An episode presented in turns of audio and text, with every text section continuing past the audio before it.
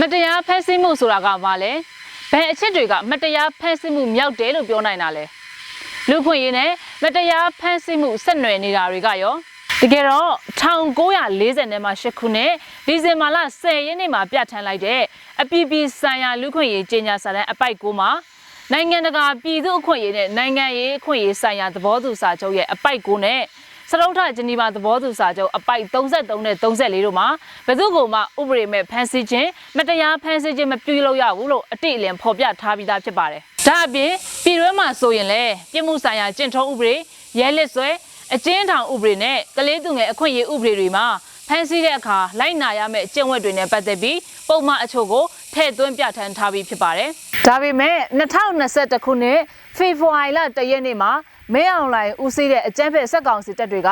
ပြည်သူလူထုတွေရွေးချယ်တင်မြှောက်ထားတဲ့အစိုးရအဖွဲ့ဝင်တွေကိုဖမ်းဆီးပြီးနိုင်ငံတော်အာဏာကိုမတရားရယူပြီးတဲ့နောက်မှာမတရားဖမ်းဆီးခြင်းဆိုတဲ့ဝေါ်ဟာရဟာတဖန်ပြန်လည်ပြီးတော့အရှိတ်အဟုန်ပြင်းပြင်းနဲ့အသက်ဝင်လာခဲ့ပါတယ်။ဒီຫນွေဥတော်လှန်ရေးကာလမှာဘယ်လိုမတရားဖမ်းဆီးခံရမှုဖြစ်စဉ်တွေဖြစ်နေတယ်လဲဆိုတာနဲ့ပတ်သက်ပြီးအခုလက်ရှိလူခွင့်ရေးမှတ်တမ်းကောက်ယူနေသူတအူရရှိထားတဲ့အချက်လက်တွေကတော့ မတရားဖမ်းဆီးခံရမှုဖြစ်စဉ်လို့ပြောလိုက်မယ်ဆိုရင်စကိုင်းတိုင်းဒေသကြီးတွေကပုတလင်မြို့နယ်နော့ပင်ရိုးရွာမှာ30ရက်နေ့မနက်7:00နာရီခွဲလောက်မှာလူအင်အား60လောက်နဲ့ရွာရဲပြည်သူတွေကိုလာရောက်ဖမ်းဆီးခဲ့တဲ့ဖြစ်စဉ်တစ်ခုကိုကျွန်မမှတ်တမ်းကောက်ယူထားတာရှိတယ်။အဲ့ဒီဖြစ်စဉ်မှာဆိုရင်ဒီရွာသားတူကပေါ့နော်သူရွာရဲထွက်သွားတဲ့အချိန်မှာပဲစစ်ကောင်စီတပ်တွေရောက်လာတာနဲ့တိုးပြီးတော့ပြည်လွှားရင်းနဲ့ဖမ်းဆီးခံခဲ့ရတယ်။ ဖမ်းဆီးတဲ့သူကလည်းအင်အား60လောက်ရှိမယ်ပေါ့နော်။ပြီးတော့ကြီးကအင်ဂျီစစ်ဖက်နဲ့တွေနဲ့စစ်ဝတ်စုံဝတ်ဆင်ထားတဲ့သူကတော့9ယောက်လောက်ပဲပါမယ်လို့သိရတယ်။ကျန်တဲ့သူတွေကတော့တာမန်အရက်ဝက်တွေနဲ့ပဲလို့သိရတယ်။ပြီးတော့မိုက်ထောင်ထားတဲ့သူလို့ဆွဆွေးပြီးဖမ်းဆီးခံရတဲ့အချိန်မှာ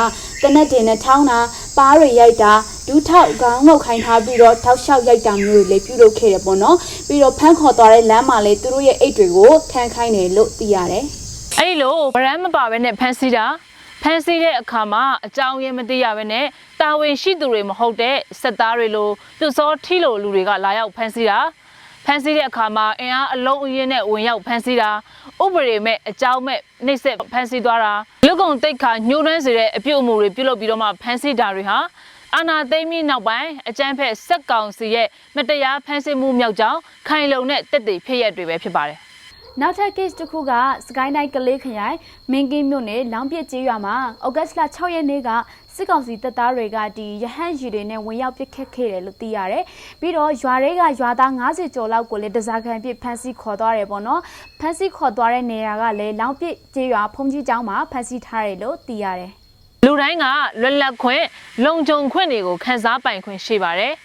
ဘယ်သူကမှတစ်ဖက်သက်အာဏာသုံးပြီးတော့ဖြစ်စေအင်အားသုံးပြီးတော့ဖြစ်စေမတရားဖမ်းဆီးတာမျိုးတွေလုံးဝလုံးဝလုပ်လို့မရပါဘူး။တရားဥပဒေနဲ့အညီသာဖမ်းဆီးရမယ့်အကြောင်းအချက်တွေနဲ့ပတ်သက်ပြီးတော့အပြည်ပြည်ဆိုင်ရာလူခွင့်ရေးကြေညာစာတမ်းနိုင်ငံတကာပြည်သူ့အခွင့်အရေးနဲ့နိုင်ငံရေးအခွင့်အရေးဆိုင်ရာသဘောတူစာချုပ်စရုပ်ထဂျနီဗာသဘောတူစာချုပ်တွေမှာလည်းအတိအလင်းဖော်ပြထားပြီးသားဖြစ်ပါတယ်။အဲ့ဒီစရုပ်ထဂျနီဗာသဘောတူစာချုပ်ထဲမှာဆိုလို့ရှိရင် စစ်မဲ့ဖြစ်ပွားတဲ့အချိန်မှတော့မှပုဂ္ဂိုလ်ရေးမကျေနပ်ချက်တွေအတွက်ကလစားချေတာ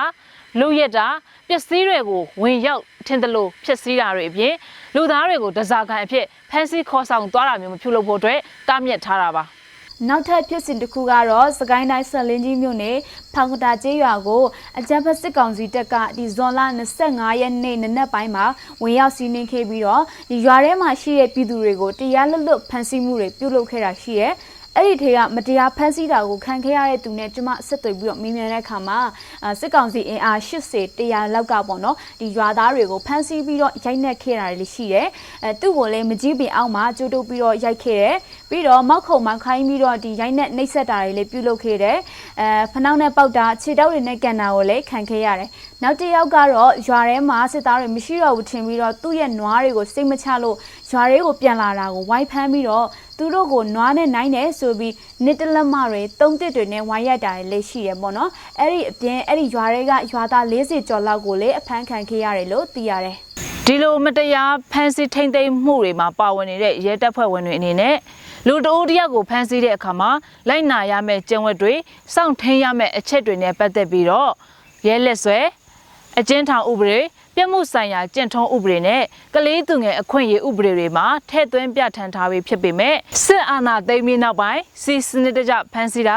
ဥပဒေအရဖမ်းဆီးမှုတွေမရှိနေတာဟာစိတ်ထိရှစရာအမှန်တရားတစ်ခုပဲဖြစ်ပါတယ်အကြမ်းဖက်စစ်ကောင်စီရဲ့မတရားအာဏာသိမ်းမှုဖြစ်ပြီးအခုချိန်ထိမတရားဖက်စစ်ခံရသူဦးရေဟာဆိုရင် AAPP ရဲ့အချက်အလက်တွေက15000ထဲမှာ200ကျော်ရှိနေပြီဖြစ်ပြီး 16နှစ်နဲ့16နှစ်အောက်ဖက်စစ်ခံရသူဦးရေဟာဆိုရင်450ကျော်အထိရှိနေပြီဖြစ်ပါတယ်။ဒါတောင်မြေပြင်ကအချက်အလက်တွေမရရှိနိုင်တာကြောင့်မတရားဖက်စစ်ခံရသူဦးရေဟာဆိုလို့ရှိရင်ဒီထက်ပိုပြီးတော့အများအပြားရှိနေမယ်ဆိုတာအသေးအချာပဲဖြစ်ပါတယ်။ဒီလိုအဖြစ်အပျက်တွေကြားတဲ့ကကျမတို့ဘာဆက်လုပ်နိုင်ကြမလဲ။ပြည်သူတွေအပေါ်ရဲရဲစစ်စစ်အကြမ်းဖက်တက်ဖြတ်နေတဲ့စက်ကောင်စီနဲ့အပေါင်းအပါတွေကို ပြည်ထံကနေကင်းလွတ်နေတာမျိုးမဖြစ်ဖို့နဲ့နောက်တစ်ချိန်မှာတရားမျှတမှုကိုဖော်ဆောင်နိုင်ဖို့အတွက်ကိုယ့်ဘက်ဝန်းကျင်မှာဖြစ်နေတဲ့လူခွင့်ရေးချိုးဖောက်မှုတွေကိုစနစ်တကျမှတ်တမ်းတင်ထားကြဖို့လိုပါတယ်။လက်ရှိမှာပြည်တွင်းရန်တရားတွေမှာတိုင်ကြားဖို့မဖြစ်နိုင်သေးပေမဲ့အကြမ်းဖက်စက်ကောင်စီအပေါ်ဖိအားတွေတိုးလာဖို့နဲ့အရေးယူနိုင်ဖို့အတွက်နိုင်ငံတကာရန်တရားတွေမှာတိုင်ကြားနိုင်ဖို့အတွက်စ조사နေကြပါတယ်။ ဒါကြောင့်ကိုယ်တိုင်ကြုံတွေ့ရတာပဲဖြစ်ဖြစ်ကိုယ့်ပတ်ဝန်းကျင်မှာကြုံတွေ့နေရတဲ့လူခွင့်ရေးချိုးဖောက်မှုတွေကိုပဲဖြစ်ဖြစ်မှတ်တမ်းကောက်ယူထားပြီးလူခွင့်ရေးဆိုင်ရာဝန်ကြီးဌာနနဲ့လူခွင့်ရေးချိုးဖောက်မှုမှတ်တမ်းကောက်ယူနေတဲ့အဖွဲ့အစည်းတွေကိုပေးပို့ပြီးတော်လှန်ရေးမှာတရားမျှတမှုရဖို့အတွက်နိုင်တဲ့ဘက်ကပါဝင်ကြဖို့နှိုးဆော်တိုက်တွန်းလိုက်ပါတယ်။